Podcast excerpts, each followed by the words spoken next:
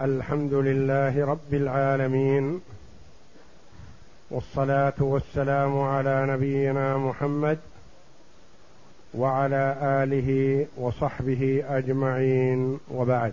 بسم الله بسم الله الرحمن الرحيم. قال المؤلف رحمه الله تعالى باب دخول مكة وصفة العمرة. باب دخول مكة وصفة العمرة. أي ما يشرع عند دخول مكة. وصفة العمرة بيان أركان العمرة وواجباتها ومستحباتها. نعم. ويستحب لمن أراد دخول مكة أن يغتسل ويدخلها من أعلاها من ثنيه كداء ويخرج من أسفلها لما روي, لما روي عن ابن عمر رضي الله عنهما أنه كان يغتسل ثم يدخل مكة ويذكر أن النبي صلى الله عليه وسلم كان يفعله. وقال دخل رسول الله صلى الله عليه وسلم مكة من الثنية العليا التي بالبطحاء وخرج من الثنية السفلى متفق عليهما. يستحب لمن أراد دخول مكة أن يغتسل لأجل النظافة وكمال الطهارة وإزالة ما يعلق على المرء من روائح كريهة تؤذي من في المسجد الحرام وتؤذي الملائكة فيحرص الداخل إلى مكة على أن يكون على أحسن هيئة وأطيب ريح. ولذا نهى النبي صلى الله عليه وسلم من أكل الثوم أو البصل أو الكراث أن يشهد الصلاة مع المسلمين في المسجد لأنه يؤذي الحاضرين. ويتأذى الملائكة مما يتأذى منه بنو آدم. فلا يليق بالمسلم أن يأكل شيئا مما خبث ريحه ويأتي إلى المسجد وإنما يجتنبها قرب الصلاة. كذلك من ابتلي بالدخان وغيره من الأمور الخبيثة المستكرهة. اولا أنه يحرم عليه الاستمرار عليها بل يجب عليه أن يتخلص منها ويستعين بالله جل وعلا على ذلك. وإذا لم يتخلص فيتحاشى أن يستعمل شيئا منها قرب وقت الصلاة وأن يستعمل المنظفات والمطهرات والمزيلات للروائح الكريهة لأن المرء إذا دخل بهذه الرائحة الكريهة آذى إخوانه المسلمين وآذى الملائكة فنهي من أكل شيئا من هذه ال... التي فيها الرائحة الكريهة وإن كانت حلال لأجل هذا. فما بالك بمن استعمل الشيء المحرم الشديد الكراهة؟ فليحذر المسلم ذلك. ولهذا استحب لمن أراد دخول مكة أن يغتسل اغتسالا لدخول مكة لأجل دخول المسجد الحرام والطواف فيه فيغتسل لذا قالوا الاغتسال للمرأة الحائض عند الميقات مستحب حتى وإن كانت حائض. كما أمر النبي صلى الله عليه وسلم أسماء بنت عميس وهي نفساء أن تغتسل للإحرام.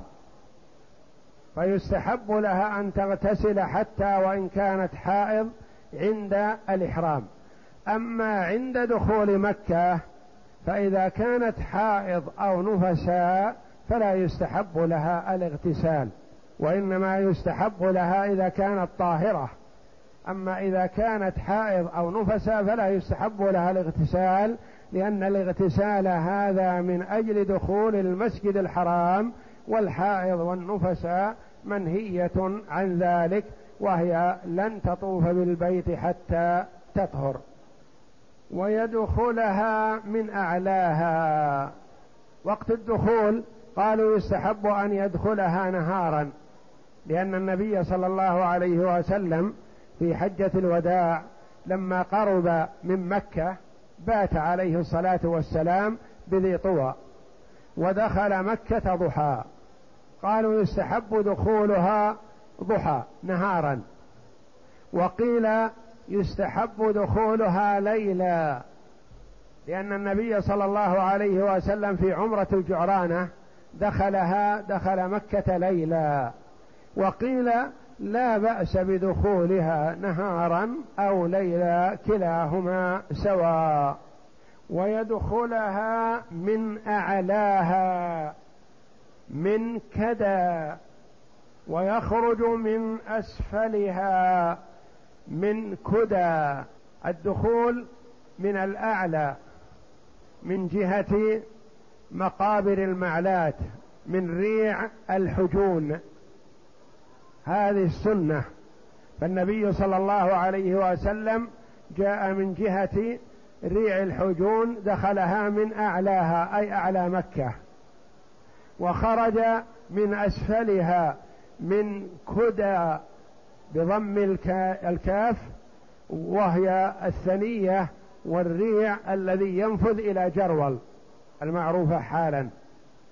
وليست كدى المسمات إلى الآن بهذا الاسم لا بل هي غيرها أخرى لأن هذه قريبة من الحرم وهي التي تنزل إلى جرول. وقال بعض العلماء افتح وادخل. واضمم واخرج. افتح وادخل يعني ادخل من كذا بفتح الكاف. واضمم واخرج كدى بضم الكاف وهي التي تنزل إلى جهة جرول. لأن النبي صلى الله عليه وسلم فعل ذلك كما روى عبد الله بن عمر عبد الله بن عمر رضي الله عنه من المعروف عنه الحرص على التمسك بسنة رسول الله صلى الله عليه وسلم ومتابعته في كل شيء حتى في الأشياء العادية. حتى في الأشياء العادية غير العبادية كان يتحرى أن ينزل في المنزل الذي نزل فيه الرسول صلى الله عليه وسلم إذا توجه إلى المدينة. ويحرص على أن يصلي في المنزل الذي كان يصلي فيه الرسول عليه الصلاة والسلام. ويتتبع خطوات النبي صلى الله عليه وسلم. كان يفعل ذلك فقال رضي الله عنه إن النبي صلى الله عليه وسلم كان يفعل هذا. متفق عليه. لما روى متفق عليهما لأن يتقدم لنا أمران الاغتسال والدخول. لما روي عن ابن عمر أنه كان يغتسل ثم يدخل مكة ويذكر أن النبي صلى الله عليه وسلم كان يفعله. وقال دخل رسول الله صلى الله عليه وسلم من الثنية العليا التي بالبطحاء بين المقبرتين حاليا. وخرج من الثنية السفلى متفق عليهما. قالوا والحكمة والله أعلم. في كون النبي صلى الله عليه وسلم دخل من هذه وخرج من هذه لتتعدد الأماكن التي يمر بها المؤمن في العبادة. لأن الأرض إذا حدثت أخبارها كما أخبر الله جل وعلا تشهد للعبد بما عمل عليها من خير كما تشهد عليه بما عمل عليها من شر والعياذ بالله. ولذا كان صلى الله عليه وسلم إذا ذهب للعيد ذهب من طريق وعاد من طريق آخر. وذهب إلى عرفات من طريق وعاد من طريق آخر. وهكذا في العبادات يستحب أن يذهب من طريق ويعود من طريق آخر لتكثر الأماكن التي تشهد له بالطاعة. وقيل غير ذلك. نعم. ويستحب أن يدخل المسجد من باب بني شيبة لقول جابر رضي الله عنه أن النبي صلى الله عليه وسلم دخل مكة ارتفاع الضحى فأناخ راحلته عند باب بني شيبة ودخل المسجد. رواه مسلم. ويستحب أن يدخل المسجد من باب بني شيبة. باب بني شيبة باب كان على حد المطاف.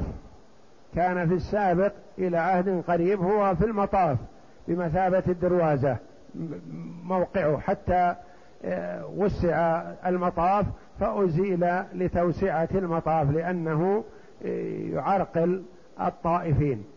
فكان على حد آه، المطاف محاذ لزمزم تقريبا والنبي صلى الله عليه وسلم قال بعض العلماء إنه دخل من هذه الجهة لأنه محاذ للبدء بالطواف فهو أيسر من لو دخل من أي باب من الأبواب الأخرى وكان المسجد الحرام قبل غير محاط بسور وإنما أرفع مكان فيه هو الكعبة فكانت ترى من بعد. فالنبي صلى الله عليه وسلم دخل من جهة محاذاة الحجر الأسود لأنه أيسر للبدء. ونقل هذا ووضع مقابله باب يسمى باب بني شيبة. ويستحب أن يدعو عند رؤية البيت ويرفع يديه لما روى ابن جريج أن رسول الله صلى الله عليه وسلم كان إذا رأى البيت رفع يديه وقال اللهم زد هذا البيت تشريفا وتعظيما ومهابة وبرا وزد من شرفه وكرمه ممن حجه واعتمره تشريفا وتعظيما وبرا. رواه الشافعي في مسنده. ويستحب أن يدعو عند رؤية البيت. هذا دعاء خاص عند رؤية البيت. والدعاء العام عند كل دخول أي مسجد. عند دخول أي مسجد يستحب له أن يقدم رجله اليمنى ويقول بسم الله والصلاة والسلام على رسول الله. اللهم صل على محمد. اللهم افتح لي أبواب رحمتك. أو يقول بسم الله العظيم وبوجهه الكريم وسلطانه القديم. اللهم صل على محمد. اللهم افتح لي أبواب رحمتك. وإذا خرج قدم رجله اليسرى وقال وافتح لي أبواب فضلك. وعند رؤية البيت يستحب أن يأتي بهذا الدعاء لما رواه الإمام الشافعي رحمه الله في مسنده أن النبي صلى الله عليه وسلم كان إذا رأى البيت رفع يديه بالدعاء. يرفعهما معا ويقول اللهم زد هذا البيت تشريفا وتعظيما ومهابة وبرا هذا دعاء تشريف للبيت وتكريم له ثم يدعو لمن عظم هذا البيت وزد من شرفه وكرمه ممن حجه واعتمره تعظيما وت... واعتمره تشريفا وتعظيما وبرا. رواه الشافعي في مسنده.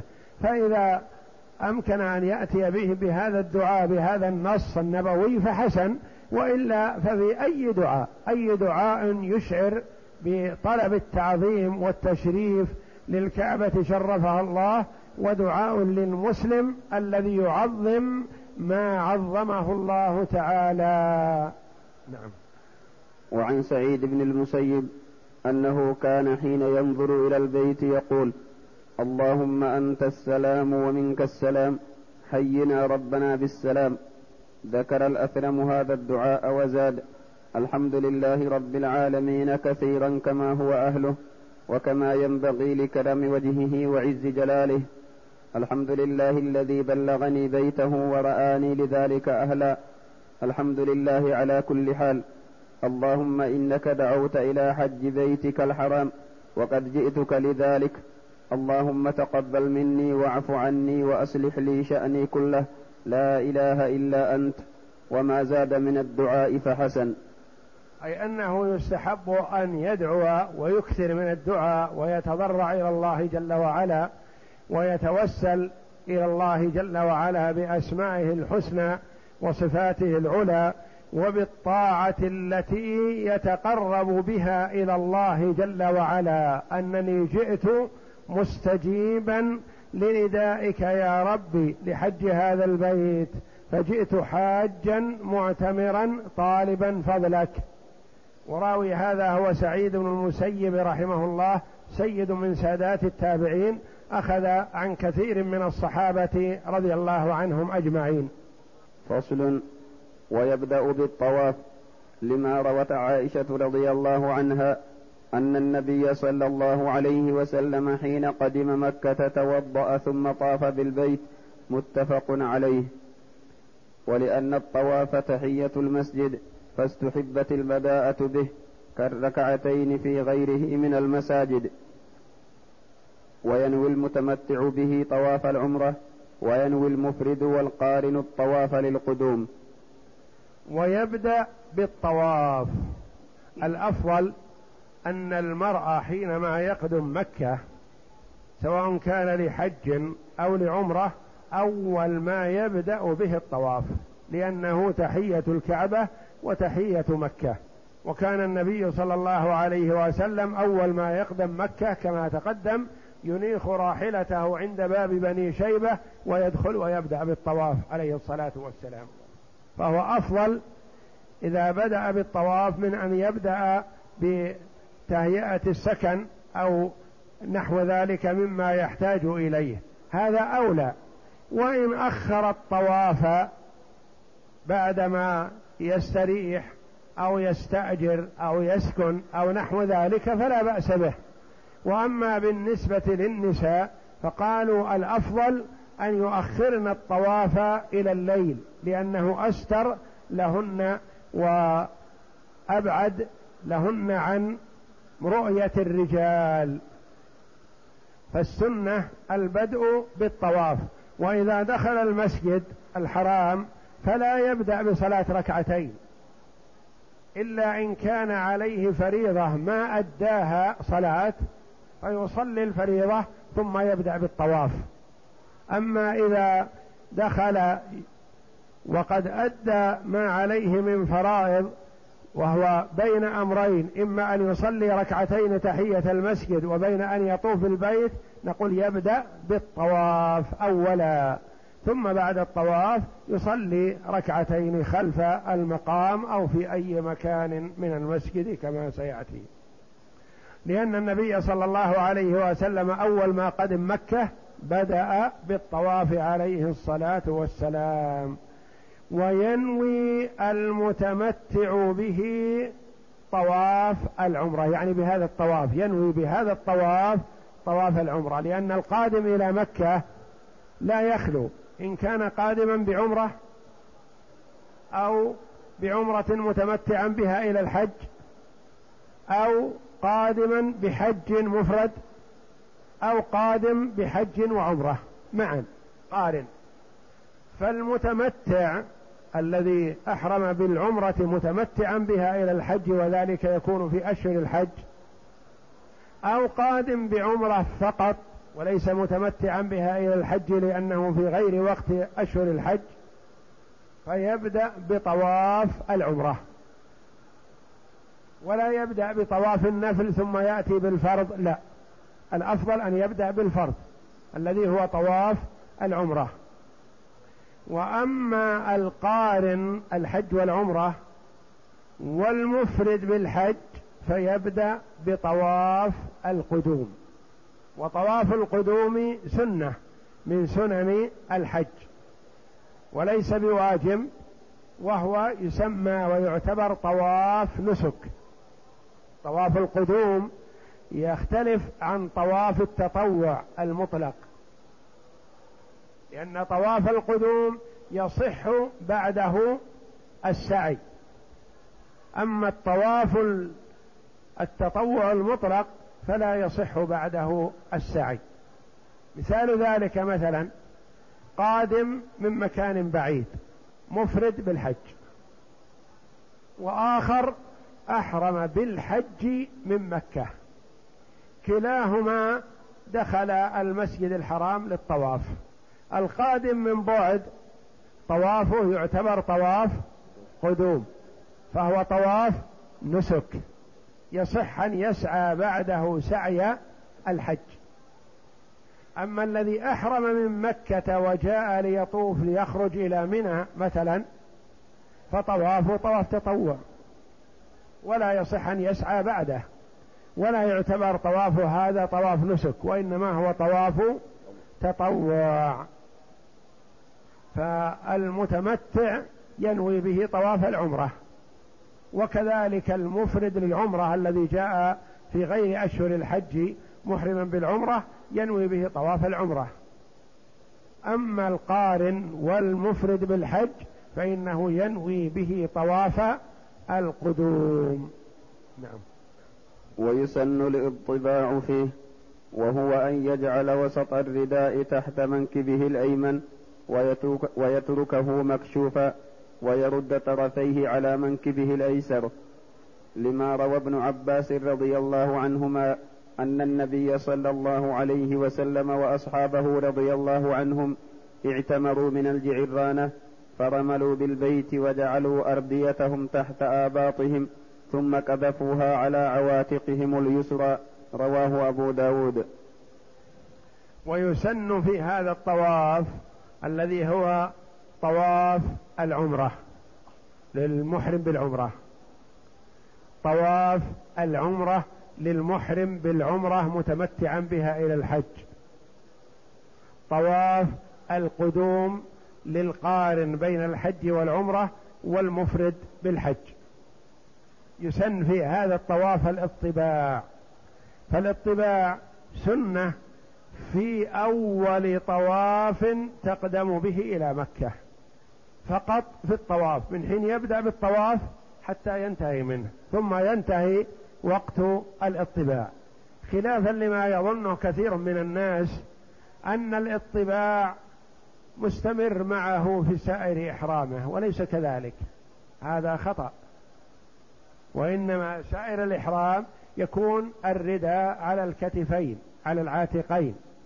وإنما الاطباع في أول طواف تقدم به إلى مكة.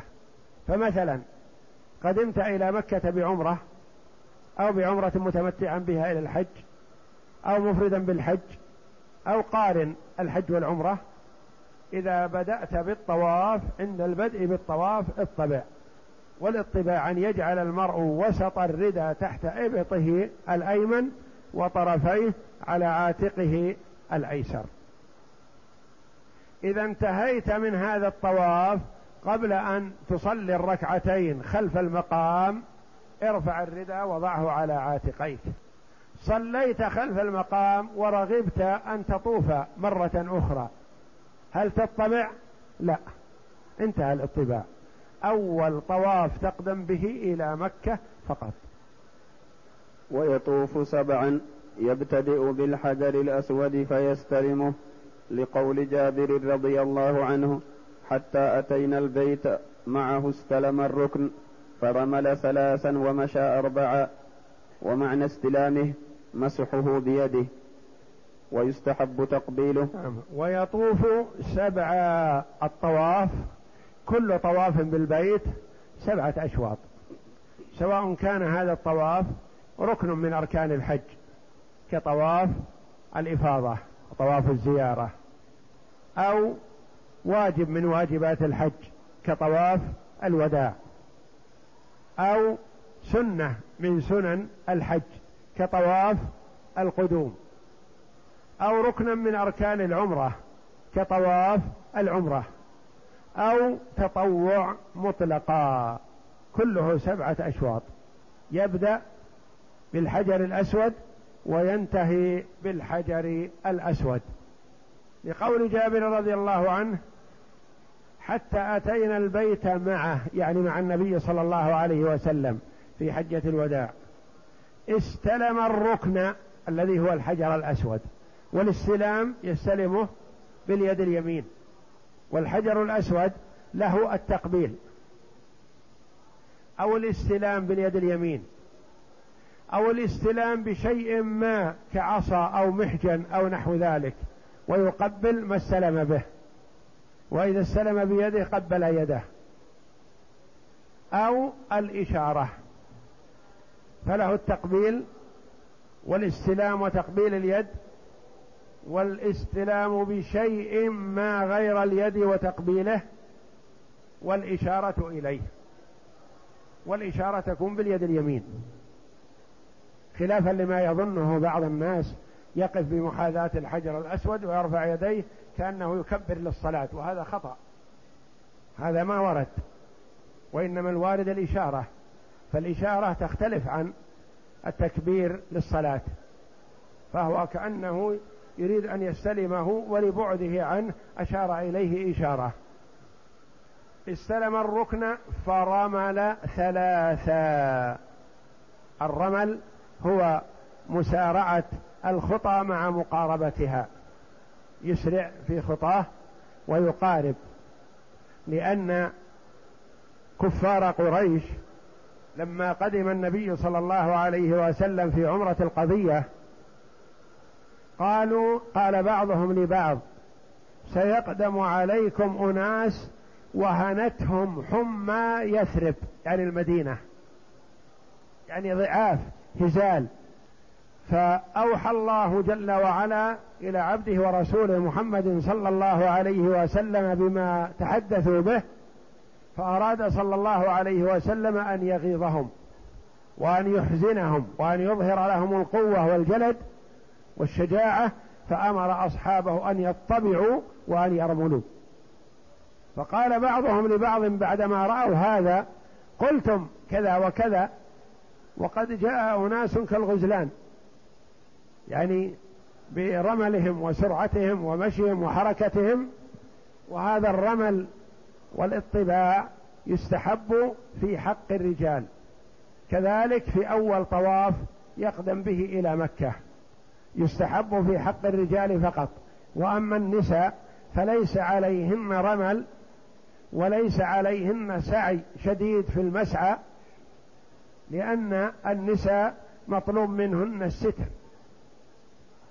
ولا يطلب في حقهن القوة والشجاعة وإظهار الجلد. لأن هذه الأمور تطلب في حق الرجال لكيد الأعداء ولإغاظتهم. فرمل ثلاثا ومشى أربعا الرمل في ثلاثة الأشواط الأول. ولا يستمر. وقد جاء في بعض ألفاظ الحديث وأن النبي صلى الله عليه وسلم أراد الإبقاء عليهم وإلا لأمرهم بالرمل في سائر الأشواط. وورد أنه يمشي بين الركنين اليماني والحجر الأسود ليستريح في رمله السابق. يعني يرمل في ثلاث الجهات فإذا جاء بين الركن اليماني والحجر الأسود مشى ويمشي بقية الأشواط الأربعة. نسي الرمل في الشوط الأول يرمل في الشوط الثاني والثالث. نسي الرمل في الشوط الأول والثاني يرمل في الشوط الثالث. نسي الرمل في الشوط الأول والثاني والثالث هل يرمل في الرابع والخامس؟ لا. لأن هذه سنة فات محلها. السنة لها محل. فإذا فات محلها فلا يأتي بها في غير محلها. مثلا الاستفتاح في الصلاة سنة. سبحانك اللهم وبحمدك وتبارك اسمك وتعالى جدك ولا إله غيرك. هذا في الصلاة سنة بعد تكبيرة الإحرام. أو بأي لفظ من ألفاظ الاستفتاحات الواردة. اللهم باعد بيني وبين خطاياي كما بعدت بين المشرق والمغرب. اللهم نقني من خطاياي كما ينقى الثوب الأبيض من الدنس. اللهم اغسلني من خطاياي بالثلج والماء والبرد. هذا وارد. فإذا نسيه في الركعة الأولى بعد تكبيرة الإحرام هل يأتي به في الركعة الثانية قبل الفاتحة؟ لا. لأن هذا سنة فات محلها. فكذلك هنا الرمل في الطواف ثلاثة الأشواط الأول إذا فات محلها ناسيا لهذا ويستحب تقبيله لما روى أسلم. قال رأيت عمر بن الخطاب رضي الله عنه قبل الحجر وقال إني لأعلم أنك حجر لا تضر ولا تنفع ولولا أني رأيت رسول الله صلى الله عليه وسلم قبلك ما قبلتك. متفق عليه. ويستحب تقبيله يعني إذا تيسر تقبيله فهو أفضل. فالخطوة الأولى إذا تيسر التقبيل. فإن لم يتيسر فيستلم ويقبل يده أو يستلم بمحجن أو عصا ونحوه ويقبل ما استلم به أو يشير إليه ولا يقبل يده. بالإشارة لا يقبل يده لأن يده لم تمس الحجار فإذا تيسر تقبيله فهو أولى لأن عمر بن الخطاب رضي الله عنه قبل الحجر الأسود. وقال رضي الله عنه قولته المشهورة والله إني أعلم أنك حجر لا تضر ولا تنفع. يعني ما قبلتك من أجلك وإنما قبلتك من أجل أني رأيت رسول الله صلى الله عليه وسلم يقبلك. أي تقبيلي لك اتباع اتباع لسنة محمد صلى الله عليه وسلم. فإن لم يمكنه تقبيله استلمه وقبل يده لما روي أن النبي صلى الله عليه وسلم استلمه وقبل يده رواه مسلم نعم. فإن استلمه بشيء في يده قبله لما روى ابن عباس رضي الله عنهما قال رأيت رسول الله صلى الله عليه وسلم يطوف بالبيت ويستلم الركن بمحجن معه ويقب ويقبل, ويقبل المحجن ويقبل. المحجن رواه مسلم. لأن النبي صلى الله عليه وسلم حينما كثر عليه الناس وكان لا يضرب الناس حوله ولا يدفعون ركب عليه الصلاة والسلام. طاف راكب عليه الصلاة والسلام فكان يستلم الحجر بمحجن بيده ويقبل المحجن. فالنبي صلى الله عليه وسلم طاف ماشيا. فلما تكاثر الناس وخرج من في البيوت ينظرون إليه هذا رسول الله هذا رسول الله وتزاحموا حوله ركب عليه الصلاة والسلام لئلا يدفع الناس عنه عليه الصلاة والسلام. وإن لم يمكنه أشار بيده إليه لما روى ابن عباس رضي الله عنهما أن النبي صلى الله عليه وسلم طاف على بعير كلما أتى الركن أشار إليه وكبر ويستحب أن يقول عنده ما روى عبد الله بن السائب أن النبي صلى الله عليه وسلم قال عند استلامه بسم الله والله أكبر إيمانا بك وتصديقا بكتابك ووفاء بعهدك واتباعا لسنة نبيك محمد صلى الله عليه وسلم. ويستحب أن يقول عند تقبيل الحجر الأسود بسم الله والله أكبر.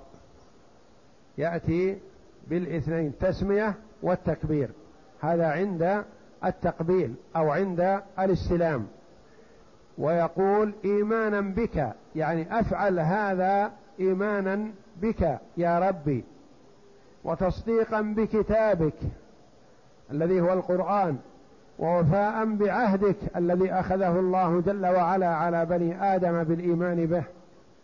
واتباعا لسنة نبيك محمد صلى الله عليه وسلم فهو عليه الصلاة والسلام يقول اتباعا لسنة نبيك محمد صلى الله عليه وسلم لأن سنة النبي صلى الله عليه وسلم شرع تعبدنا الله بها كما تعبد بها رسوله صلى الله عليه وسلم فالرسول عليه الصلاة والسلام متعبد لله باتباع سنته عليه الصلاة والسلام.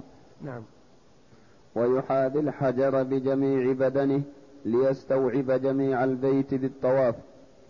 ثم يأخذ يحاذي الحجر بجميع بدنه.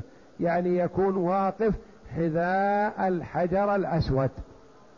يعني ما يتقدم بعده إلى جهة الباب فينقص الطواف. بل يكون بدء الطواف بمحاذاة الحجر حتى يأتي بالطواف كاملا.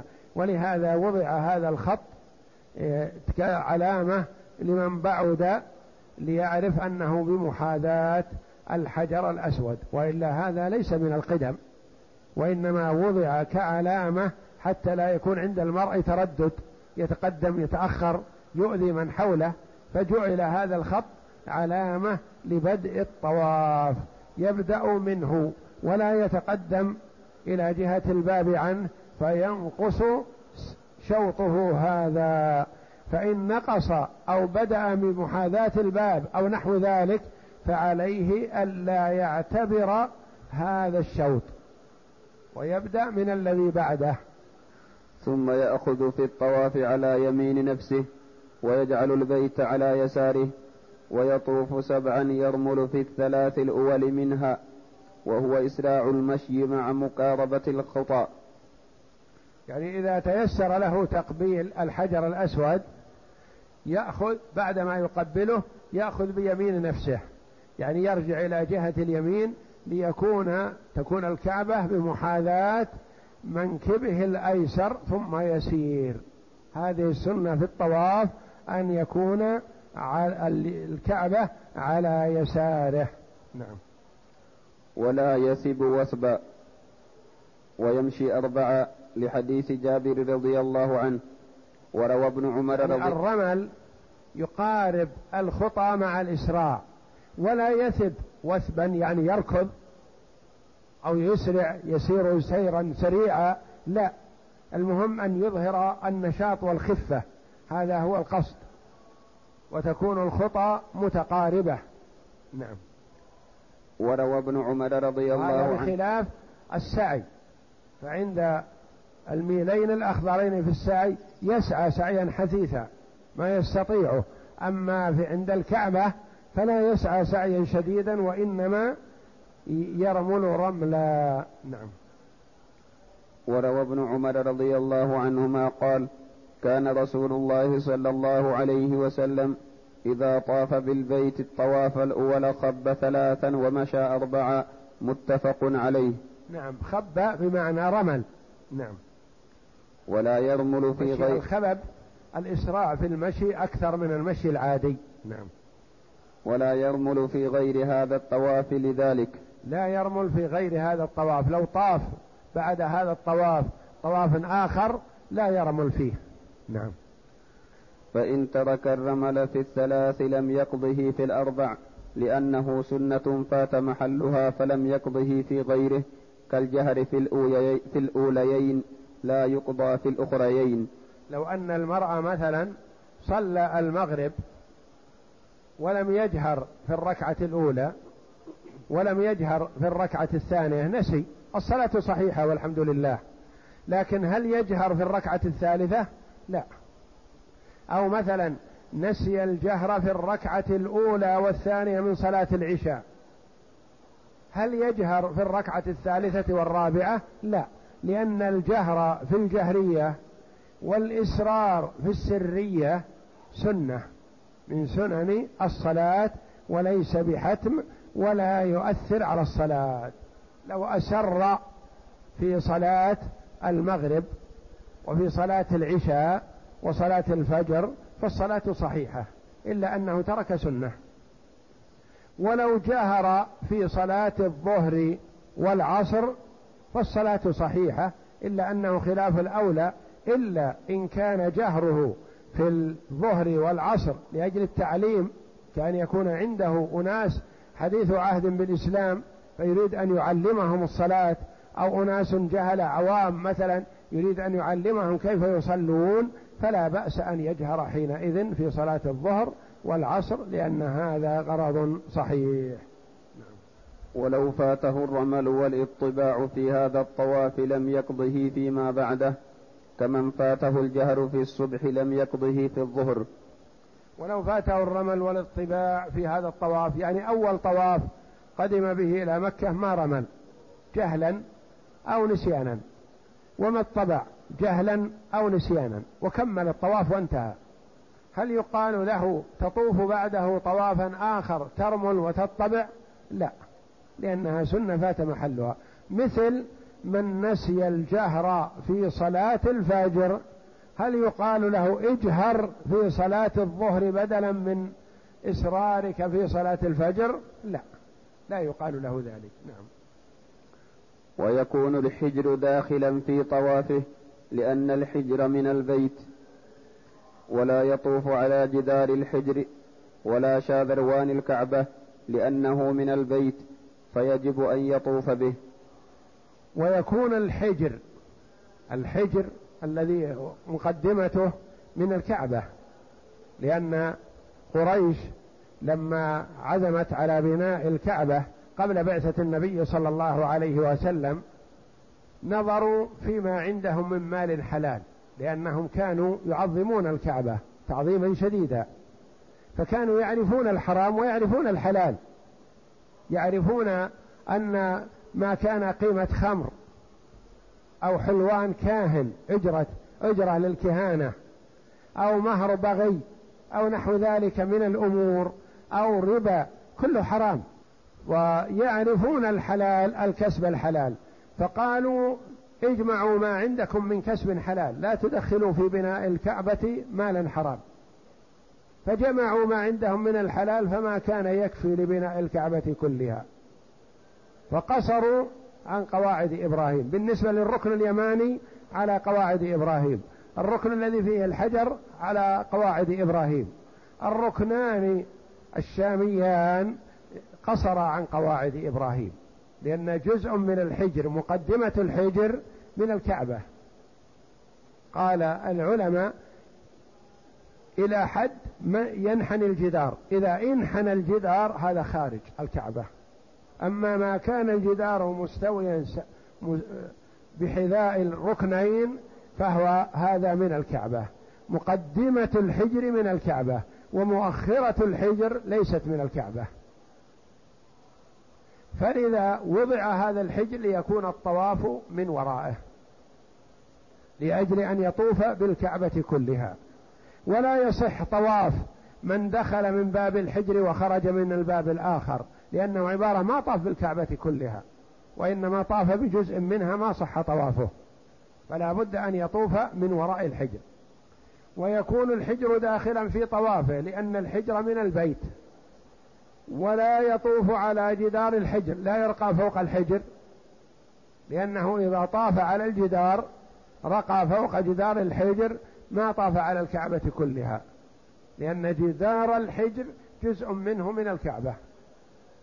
ولا شاذروان الكعبة شاذروان الكعبة الساس الموضوع على جدار الكعبة آه، كان في الأول ممكن أن يطاف عليه كما هو داخل الحجر مستوي وممكن أن يطاف عليه. لكنه أخيرا جعل هكذا مسنما من أجل أن لا يتمكن أحد من الطواف عليه. لهذا الغرض وهذا غرض صحيح لأنه كان الشاذروان الجدار النازل بحذاء جدار الكعبة كما هو أول في الحجر. ممكن أن يمشى عليه. تراه بالحجر ممكن أن يمشى عليه لأنه مستوي. فجعل بهذا الشكل مسنم وقائم حتى لا يتمكن من الطواف عليه. ولما كان المحذور غير متوقع في جهة الحجر جعل على ما كان عليه سابقا. فهذا هو الشاذروان. الشاذروان الجدار المنخفض اللي بحذاء جدار الكعبة لأنه من البيت. نعم. ولا يستلم الركن العراق. يجب أن يطوف به لأنه إذا طاف عليه ما طاف به. صار جزء منه خلفه. والمؤلف رحمه الله في وقته كان ممكن أن يطاف على الشاذروان لأنه كان معتدل يمشى عليه نعم. ولا يستلم الركن العراقي ولا الشامي لما روى ابن عمر رضي الله عنهما أن رسول الله صلى الله عليه وسلم كان لا يستلم إلا الحجر والركن اليماني وما تركت استلامهما منذ رأيت رسول الله صلى الله عليه وسلم يستلمهما في شدة ولا رخاء رواه مسلم وقال ولا يستلم الركن العراقي ولا الشامي. يعني الركنان يسميان الركنان الشاميان والعراقيان ويسمى أحدهما الشامي والآخر العراقي. لا يستلمان لما؟ لأنهما لم يكونا على قواعد إبراهيم. وتقدم لنا أن معاوية رضي الله عنه حج واستلم الأركان الأربعة. وكان الصحابة رضي الله عنهم ينكر بعضهم على بعض. ولا يتركون الإنكار من أجل أنه كبير أو صغير أو أمير أو مأمور أو شريف أو وضيع. من كان عنده من سنة رسول الله صلى الله عليه وسلم بينها. فقال ما هذا يا معاوية؟ معاوية خليفة أمير المؤمنين. قال ما هذا يا معاوية؟ يعني لما تستلم الأركان الأربعة؟ قال معاوية ليس في البيت شيء مهجور. يعني ما نهجر ركنا من أركان البيت. قال ابن عباس رضي الله عنهما سنة رسول الله صلى الله عليه وسلم حق أن تتبع. فليست المسألة اجتهاد أو تعظيم للبيت من تلقاء أنفسنا وإنما سنة نأخذ بها. قال معاوية رضي الله عنه صدقت. فجاء مع ابن عباس ووافق عليه. فلا يستلم الركنان الشابيان وهما اللذان يليان الحجر لأنهما ليس على قواعد إبراهيم ولأن النبي صلى الله عليه وسلم لم يستلمهما.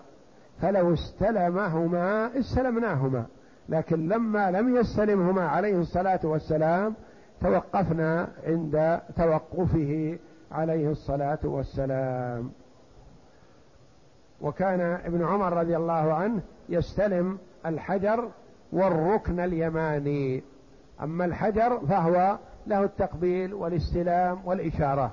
وأما الركن اليماني فالاستلام. والاستلام أن يضع يده عليه. ما يلزم أن يمسح هكذا كما يفعل بعض الناس إنه يظن أنه لازم يأتي بها من أعلى. إذا استلم هكذا. وضع يده عليه. فالركن اليماني يستلم ولا يقبل لأنه ما ورد. ولا يشار إليه لأنه ما ورد.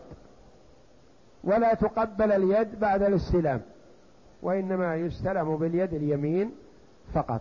فإذا لم يتيسر الاستلام فلا يشير إليه لأنه لم يرد. وقال ما أرى النبي صلى الله عليه وسلم استلم الركنين اللذين يليان الحجر إلا لأن البيت لم يتم على قواعد إبراهيم عليه السلام متفق عليه.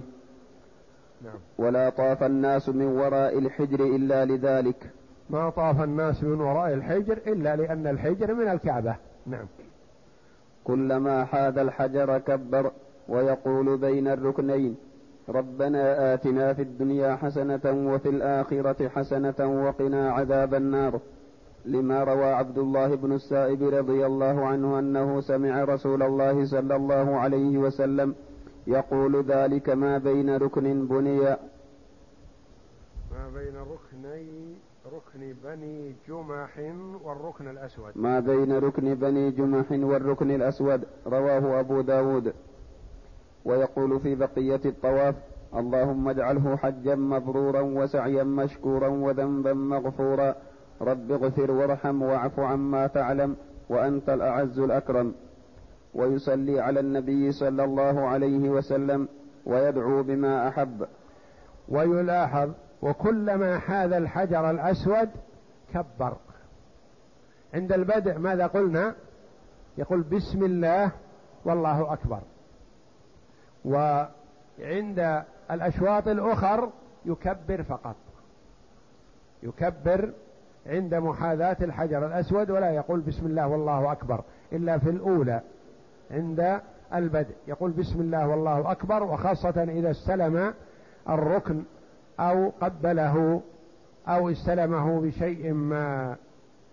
ويستحب أن يقول بين الركنين يعني بين الركن اليماني والحجر الأسود ربنا آتنا في الدنيا حسنة وفي الآخرة حسنة وقنا عذاب النار لأن النبي صلى الله عليه وسلم كان يقول ذلك.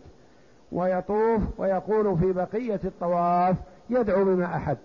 إن أتى بقوله اللهم اجعله حجا مبرورا هذا في الحج. وأما في العمرة فلا يناسب أن يقول اللهم اجعله حجا مبرورا. أو الطواف العادي في غير الحج. اللهم اجعله حجا مبرورا وسعيا مشكورا وذنبا مغفورا. رب اغفر وارحم وتجاوز عما تعلم وأنت الأعز الأكرم. ويصلي على النبي صلى الله عليه وسلم في طوافه ويدعو بما أحب. يعني يأتي بما أحب من الدعاء يدعو بما أحب من خيري الدنيا والآخرة أو يكثر من ذكر الله جل وعلا والصلاة على النبي صلى الله عليه وسلم. وإن قرأ القرآن فلا بأس لأنه ذكر. نعم.